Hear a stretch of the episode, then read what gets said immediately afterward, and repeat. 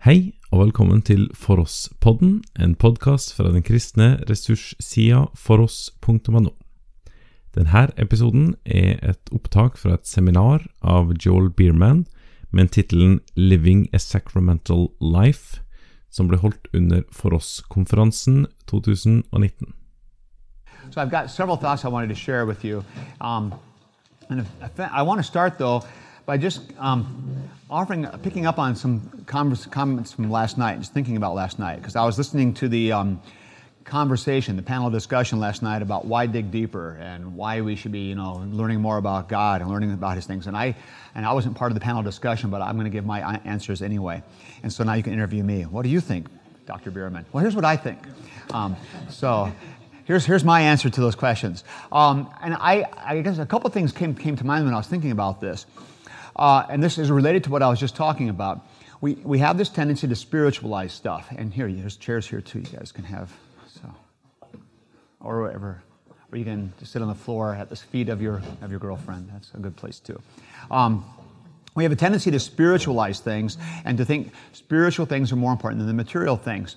But it's, it's important to kind of get a grounding on what is it that makes up the human being. And you can divide humanity in either one of a couple of ways. You can do a twofold division or a threefold division, and there's others ways you can do it as well. But basically, it's common to think about a human being is mind and body, okay? Spirit and body, body and soul. Or you might go talk about the, um, the mind and the body and then the emotions or the personality. And you, you get these kind of divisions. But the important thing to remember is that as a human being, we are completely captured by God in the whole person. So it's not just our mind or just our hearts or just our body that is captured by God, but the whole person. And if we're going to really understand this idea of being a human body and the body being part of what makes us what we are, then we need to come to terms with this physicality, this materiality of ourselves, and not be so dismissive of it, and even sometimes almost embarrassed by it. Um, I've got a great quote from Bonhoeffer I'll get to here in a minute. But I want to just start with a more general thing this whole idea of if I am a whole person, which is a heart and a spirit and a mind and also a body, we can love God and we can worship God with our whole selves. With our whole selves. So that means that when I am doing what God has given me to do in my, in my vocations with my body, whether it's changing a diaper for a baby, or it's raking the leaves in the yard, or it's clearing the snow off of somebody's driveway, and I'm doing this with my body, that's worshiping God because I'm doing what God has given me to do with my body. And when I'm studying God's Word, here's the dig going, here's the going deeper part. When I'm studying God's Word, when I'm learning God's truth, when I'm reading a dogmatics textbook, I am worshiping God.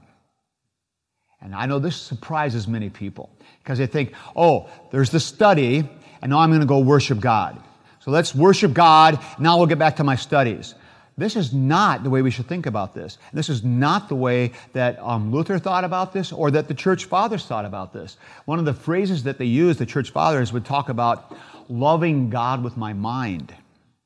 And this is a great thought so, in other words, when you are studying theology, when you are studying the scriptures, when you're digging into things, and it's hard intellectual work, when you're learning Greek, and some of you are trying to do this, and it's not fun, and it seems a waste of time. When you're doing these hard things, you are actually worshiping God. And it's not that you're getting ready to worship God. It's not that so you're learning more about God so you can worship Him better. No, in the very act of studying, you are worshiping God. And that's what I want you to kind of grasp here. And so, why dig deeper? Because this is God's truth. Why wouldn't you? You know, the real question is why would you choose to stay ignorant? Why choose to stay at a superficial level? Why choose to know uh, just enough? That's ridiculous. And see, we have this idea sometimes, which even comes up into our thinking, that somehow it's, it's more pious to be ignorant and just have simple faith, as if that's better. That's, that's absurd. St. Paul would say this make sure you don't know more about Christ, because just keep it simple, people. That's holy. That's, that's absurd. We're supposed to grow deeper in our knowledge of Christ. We should be eagerly seeking things. Does that confuse you? It gets confusing, granted, but that's where you're always doing your studying in submission to Christ and in obedience to Christ. So you study and you learn, and when things are mysterious, you just praise God all the more. And when you unpack some new truth, it's like worship of God. And some of you have had this taste. You maybe experienced this when you're when you're doing hard work and you're digging into a text, and all of a sudden it kind of comes clear, and it's like, oh. And see, that's that that's that worship of God, and you give praise to God because you're just delighting in His truth, and we shouldn't diminish that. So that was the first point I wanted to make. Second thing I want to say is we're, we're hearing about meditation a lot, which is a very good Lutheran word. In fact, Luther kind of started this. He said there are three things that make a theologian. There's three things. He said they are, and this is Latin, so you all are with me on this, no problem with English. It's oratio, meditatio, and tentatio. These are the three things that make a theologian. So what are those? Oratio is prayer, or simply hearing God's word. Oratio, hearing, praying, listening. So you're hearing God's word. You're basically, we would say, in a time of worship, hearing God's word, hearing preaching, receiving what God gives. That's where you start. So you start by simply receiving God's input. That's the oratio. You pray, you seek God's grace, and God gives it. That's the first move. Then comes meditatio. And meditatio does not mean sitting underneath a tree and emptying your mind and, oh, no, that's not what he's talking about. He's talking about actually contemplating and mulling on God's truth and letting it sink in and wrestling with stuff. And meditatio is where the study kicks in as well. Going, figuring things out, digging in, learning, studying, exploring. That's the meditatio. And we dig deeper into God's truth and we grasp these things better and we learn to appreciate and love God's reality more. And if you're paying attention, you're realizing I'm telling you, love doctrine. And that, I, I couldn't stress that more. You need to love doctrine. And I know there are Christians who are who don't like doctrine because um, doctrine divides and doctrine makes people proud and doctrine uh, just confuses things. That's just silly because doctrine is nothing more than God's truth. That's what it is by definition. It's just God's truth. And it's not a bad thing, it's a good thing. And so God's truth comes and we meditate on it, we think about it, we learn it more. And then the third thing comes tentatio. And this is the surprise, because tentatio means temptation or affliction. And this is when Satan comes and says, Well, you know, you're spending a little too much time thinking about God's truth and you're getting a little close to his reality. And I'm not liking this, and so Satan's going to throw junk at you. And Satan thrives on throwing junk at Christians. In fact, if you think a little bit about you know basic um, satanic realities of what he's going to do, he's going to spend far more time trying to trip up Christians than he is unbelievers. Unbelievers don't need any attention. They're fine. They're already messed up. They're already part of his kingdom. The, the place that Satan spends his time is in Christian circles, which is why Christian universities and Bible colleges are notoriously problematic places. Because Satan's busy there. Satan's not absent from a Christian university, he's absolutely present there. He's more active in the church than he is out there in the world because he wants to mess the church up. So tentatio is always part of the Christian life. So Satan's going to come and he's going to tempt. And maybe it's going to, it's going to be with trials in your personal life. Maybe it's going to be problems in the church. Maybe it's going to be financial difficulties. Whatever it is, you know, problems in the environment, bad weather, whatever, tentatio comes. And Luther had this word, one of his favorites is, he would call it the Anfechtung, the, the, the suffering, the trial, this angst. And for Luther, it was often very personal. He struggled with depression, and he, he, he struggled with, am I only one right one? And he would get down, and the stories go that sometimes he would be so down and so distraught and so discouraged by what was going on in the church. Um, there's one story, I don't know if it's true or not, where um, his wife Katie, dressed all in black, and was going around the house all in black and in mourning, and, and, his, and Luther said, what are you doing all in black? And she said, well, I'm assuming God must have died because of the way you're acting, so I'm in mourning. And um, so See, she could be sarcastic too. And so she was rebuking Martin for his despair. And, but that was his tentatio, that was his anfechtung. Now, why is that the mark of a theologian? Why is that necessary? Because the tentatio does what? It drives you to your inability. It drives you to realizing, I can't do this. I'm not able. I can't figure this out. I can't solve this. I can't fix this problem. The Anfechtung pushes me into the point of helplessness. And when I'm helpless and unable, then what happens? I'm driven right back to God help me. Christ come to my aid. I can't do it. I need you. And now we're right back to the top of the loop. We're back to oratio again. You pray, you hear God's truth, and He fills you, and He says, You're my forgiven child. I'm here. Don't worry. And then you start to meditate again, and then the Anfechtung comes again, and around and around we go. This is the life of a theologian. And you never, ever get freed from the tentatio. You need to know this. And see, I'm now qualified. I finally get to be old guy status. And um, it took a while, but I'm there now. And so I can guarantee you, you do not grow out of this. And there are Christians who think, someday I'm going to get to the point where I don't have those struggles anymore. Forget it. It's not real. You will always have tentatio. It might change, and it might be a different flavor, uh, which is nice, get a break sometimes, but um, you will always get it. Always, always, always. Satan's not going to quit. He's not going to leave you alone. He's not going to say, okay, I give up. He's not going to do it. And so you're always going to deal with this. And you just need to kind of come to terms with this. So I, because I've come to realize that some Christians want to have this kind of, you know, they get to a level of spiritual growth, think, there, ah, now I'm, I'm there, I've, I've gotten there. You, there's no there. You, never, you never get anywhere. You're always in process and you're always in the growth. And so that's why you keep on digging deeper. Now, that's enough on that. So that only took 10 minutes or 15. Now, on to the sacramental thing. So I want to give you a little bit of, of um, Bonhoeffer here. And Bonhoeffer has um, grown in my estimation all the time. He just, he's become one of my favorite theologians, and I'm, I'm really enjoying him a lot. And everybody knows Bonhoeffer, I see a couple of his books out here. You got Life Together and um, Discipleship, Cost of Discipleship, or Nachfolge available out here. Good things to read. I'm going to read to you today from a little teeny book he wrote. Um, and uh, some lectures he did in Berlin, and it's called Creation and Fall. Now, if you ever pick up this book, don't despair because he does some higher critical things. In other words, he kind of has some ideas, some times say, oh, he's not really believing the Bible. But he does what we call theological criticism. He takes the text and he treats it in a holistic way, even though he is um, taught by some of his people that have kind of higher critical ideas. I don't want to get hung up on that. So what he's doing is this. He's talking about the, the creation account. So in creation and fall, all he's basically doing is he's walking through Genesis 1, 2, and 3 and unpacking them.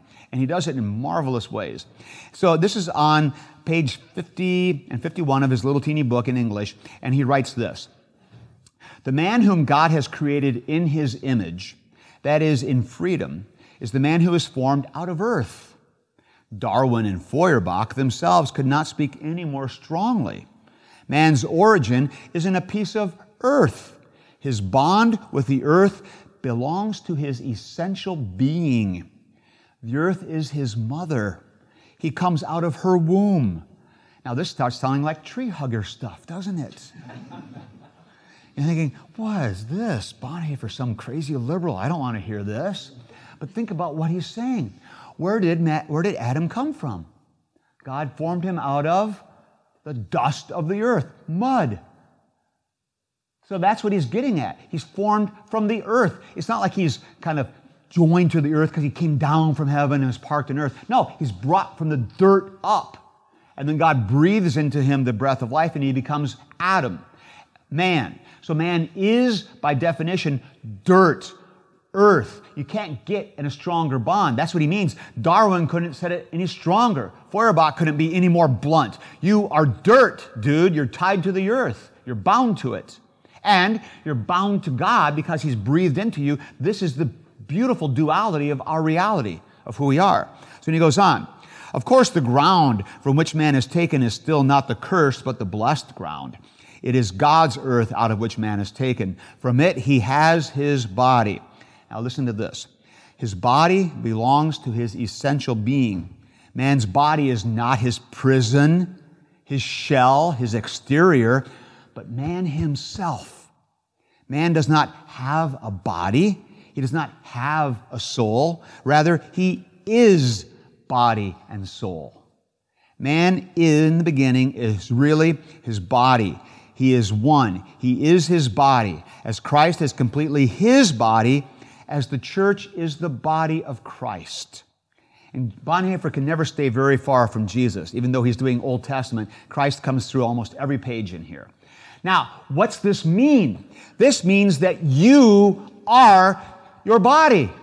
And it's so obvious, but as Christians, we have a tendency to forget this. Because again, we get this silly Platonic Gnostic stuff going. Like, oh, the real me is this personality, spiritual me, and I'm just kind of trapped in this body. And someday I'll be freed from it. Well, someday you will die, and your body and soul will be torn apart, which is a tragedy.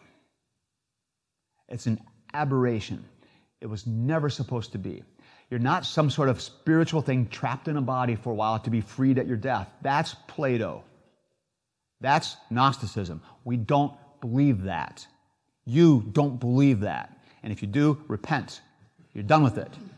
Because you are your body, it's who you are. And so, me, I am this body and I'm myself inside. It's all who I am. So when I die, it's a tragedy because it's tearing apart what was never supposed to be together. It's not like the soul part just kind of pops out neat and clean and goes off and hangs around. It's this, this kind of tragedy. And that's why I think about our eschatology. What do we actually confess as Christians? We're looking forward to the resurrection of the body. In other words, on the last day, what's going to happen? This body, the one that's standing here today, me, comes up out of the grave, glorified, and the soul and body are back together the way they're supposed to be, and I'm me again for eternity. I get this body forever. Of course, the good news is it's not a broken body at the resurrection. And so you don't need to despair. There may be things you don't like so much about yourself. Well, God will take care of that at the resurrection. Either you'll learn to love it or it'll all be better. Whichever it is, it's all going to be good. But you see, the point is this you are your body. The bodiliness of us is really important. It's that materiality of this. And we need to learn to embrace this and come to terms with this. And at this reality kind of begins to shift all kinds of things of how you think. Because it does make us learn to appreciate and love the creation. We're not tree huggers because we're not worshiping the creation, we're caring for it. But we do care for it because it is the creation that God loves, and we're here to watch over it. And this also starts to make sense of how God Himself works. So Bonhoeffer continues a little further in that same section, and he writes this To live as man means to live as body in spirit. And this is a capital S spirit. So, in other words, you live as a Christian in the reality of the Holy Spirit because you've been baptized. The Spirit's been given to you. You are in God's Spirit, but you do it in a bodily way. So we don't escape the body, but we live human bodily lives. Escape from the body is escape from being man and escape from the Spirit as well. Body is the existence form of spirit, as spirit is the existence form of body. All this can be said only of man, for only in man do we know of body and spirit. The human body is distinguished from all non human bodies by being the existence form of God's Spirit on earth, and it is wholly undifferentiated from all their life by being of this earth. The human body really only lives by God's Spirit. This is indeed its essential nature. Now, here's the cool part, and this is where all the payoff comes. God glorifies himself in the body, in this specific form of the human body. For this reason, God enters into the body again where the original in its created being has been destroyed. He enters it in Jesus Christ, incarnates a body. Does Jesus have a real body? That's the whole point. It's got a body, a man's body, a real human body. He's flesh and blood. What does he tell Thomas? Stick your hand right there. Feel it. Stick your hand in my side. It's a real body. Give me something to eat. It's a real body. And right now, it's a real body. When Christ is present, He's present body and spirit because He is always body and God together. You can't undo the bodiliness stuff. Blows your mind. So when Christ is present, He's present with His body. That's where He's going with this. You see, so the whole point is God Himself enters into the world in a body. He joins Himself to creation. It's just mind blowing that God would do this. And that's what happens because you see, the incarnation doesn't stop. God doesn't say, well, it's enough of that now. We're done with that body part. He has joined himself to a human body for eternity. Mind blowing. It's just crazy stuff. But that's exactly what's going on here. And so now the next move. He enters it in Jesus Christ. He enters into it where it is broken in the form of the sacrament of the body and of the blood. The body and blood of the Lord's Supper are the new realities of creation of the promise for the fallen Adam. Adam is created as body, and therefore he is also redeemed as body in Jesus Christ and in the sacraments. And so, in the sacrament of the Lord's Supper, we don't have some kind of spiritual connection with God. We have much better. We have a full bodily spiritual connection with God. He comes to us in the body. And this is what we confess that when we receive the bread and the wine, we are receiving the true body and blood of Christ. Can't comprehend it, can't explain it, doesn't make any sense at all. Who could ever explain this crazy miracle? But that's what God is doing because that's who God is. He's incarnate and infleshed. And so the sacraments themselves are growing out of this bodiliness of our very existence. We are body and soul together, and that's how God feeds us then. So the sacramental thinking is this very bodiliness of it. So think about how the sacraments work. So we talk about the two sacraments, baptism and Lord's Supper. In baptism, what do we do? We splash some water on a baby and we say the words. It's a material thing and a spiritual thing, and God's doing stuff. And you say, oh, it's just water. Right. It's not even holy water. We didn't even bless it. It's just water. But God's using that water to do something extraordinary. And then the Lord's Supper. You have a little drink of wine, a little bit of bread, and you're done. Big deal. It's not even good wine, it's kind of cheap. Big deal. Bread was tasteless, no big deal. But what's going on? There, God Himself is giving the gift. Whether you think it is or not, it's happening. This is how sacraments work. And the very bodiliness of it is the power of this. And even think about preaching. You see, preaching, we think, oh, that's spiritual, that's words. But it's also very physical. Think about human language. You've got vocables coming out. You've got sounds that are unintelligible most of the time in this country, um, at least for me. And so there are vocables that come out. There are sounds. And uh, frankly, when you actually hear a foreign language, you you realize that more because you actually hear the sounds of the language and you hear the, the glottal stops and the dental stops and the, all the weirdness of it. And you realize how very human and how physical and tangible it is. You're making it with a human mouth. You've got to do this to make language. And that's how language works. And so even the declaration of forgiveness, even the preaching is sacramental. And so what we begin to realize then is God never works with us apart from these kinds of tangible sacramental ways. It's God's modus operandi. It's his way of operating. It's how he does things. And we learn to expect this of him because it's just how God is. That's what Bonhoeffer's getting at. And I think this is a profound insight. Now, what this means then is that if we're going to live sacramental lives, it means we live embodied in the flesh not embarrassed of the physicality, not trying to run away from the materiality, but actually coming to terms with this and recognizing this is what it means to be human. This is what it means to be God's forgiven human child, receiving His grace in tangible, bodily, physical ways, giving that grace to others in bodily, tangible, physical ways, and delighting in the reality of all this and looking forward to the eschatological fulfillment when everything comes together at Christ's recreation. This is what it means to live a sacramental life. Now, this also means that we can sometimes, and I, I, play a little game here. So we talk about well, how many sacraments are there. We all know Roman Catholicism has seven, and we say, wow, that's too many. We only have two, or maybe two and a half, but not, not seven. They're kind of two and a half. So we've got baptism for sure, and we've got Lord's Supper for sure, and then we've got this absolution thing, which comes close because we've got real grace being given, and we've got a real dude standing there saying, I forgive you your sins. So that's kind of a human physical part going on there. And so it almost counts. I think it kind of does. So it's two and a half, maybe three. But we don't get seven. Um, so we only have those many sacraments. But wait a minute. How many things in life, maybe they're not a sacrament, but they are sacramental? And that's the kind of thing I would suggest. I think most of life becomes sacramental when you see it as God is at work in these physical, tangible things doing His work. And we begin to see life in a sacramental way.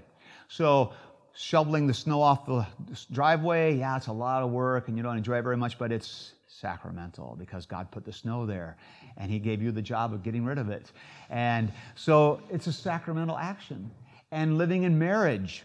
No, marriage is not a sacrament. Rome says it is, we say it's not, but it's sacramental because it's a husband and a wife coming together in a physical union and becoming one flesh. And this is a beautiful thing. And it's a wonderful thing, and we delight in the reality of what God is doing there. And there's a sacramental aspect that overflows the whole thing. And being a family and having family time and raising children, there's a sacramental element to that too. And having fellowship, enjoying coffee in the evening and talking to a friend and sharing a oneness. There's a sacramental aspect to that as minds and bodies and realities and feelings all kind of coming together. This is what it means to live the Christian life. And we do this together in this fellowship. And so, fellowship itself has sacramental overtones all over the place. And we need to be, I would say, more aware of this and more willing to embrace these kinds of realities of our, our humanness and what it means to be human. And this all comes back to coming to terms with to what it means to be a body and a soul together, not having a body, not having a soul, but being body, being soul together. That's what it is to be human by definition. Du har nå hørt et seminaropptak fra For oss-konferansen 2019 av Joel Biermann. Finn flere ressurser, og vær gjerne med å støtte oss på foross.no.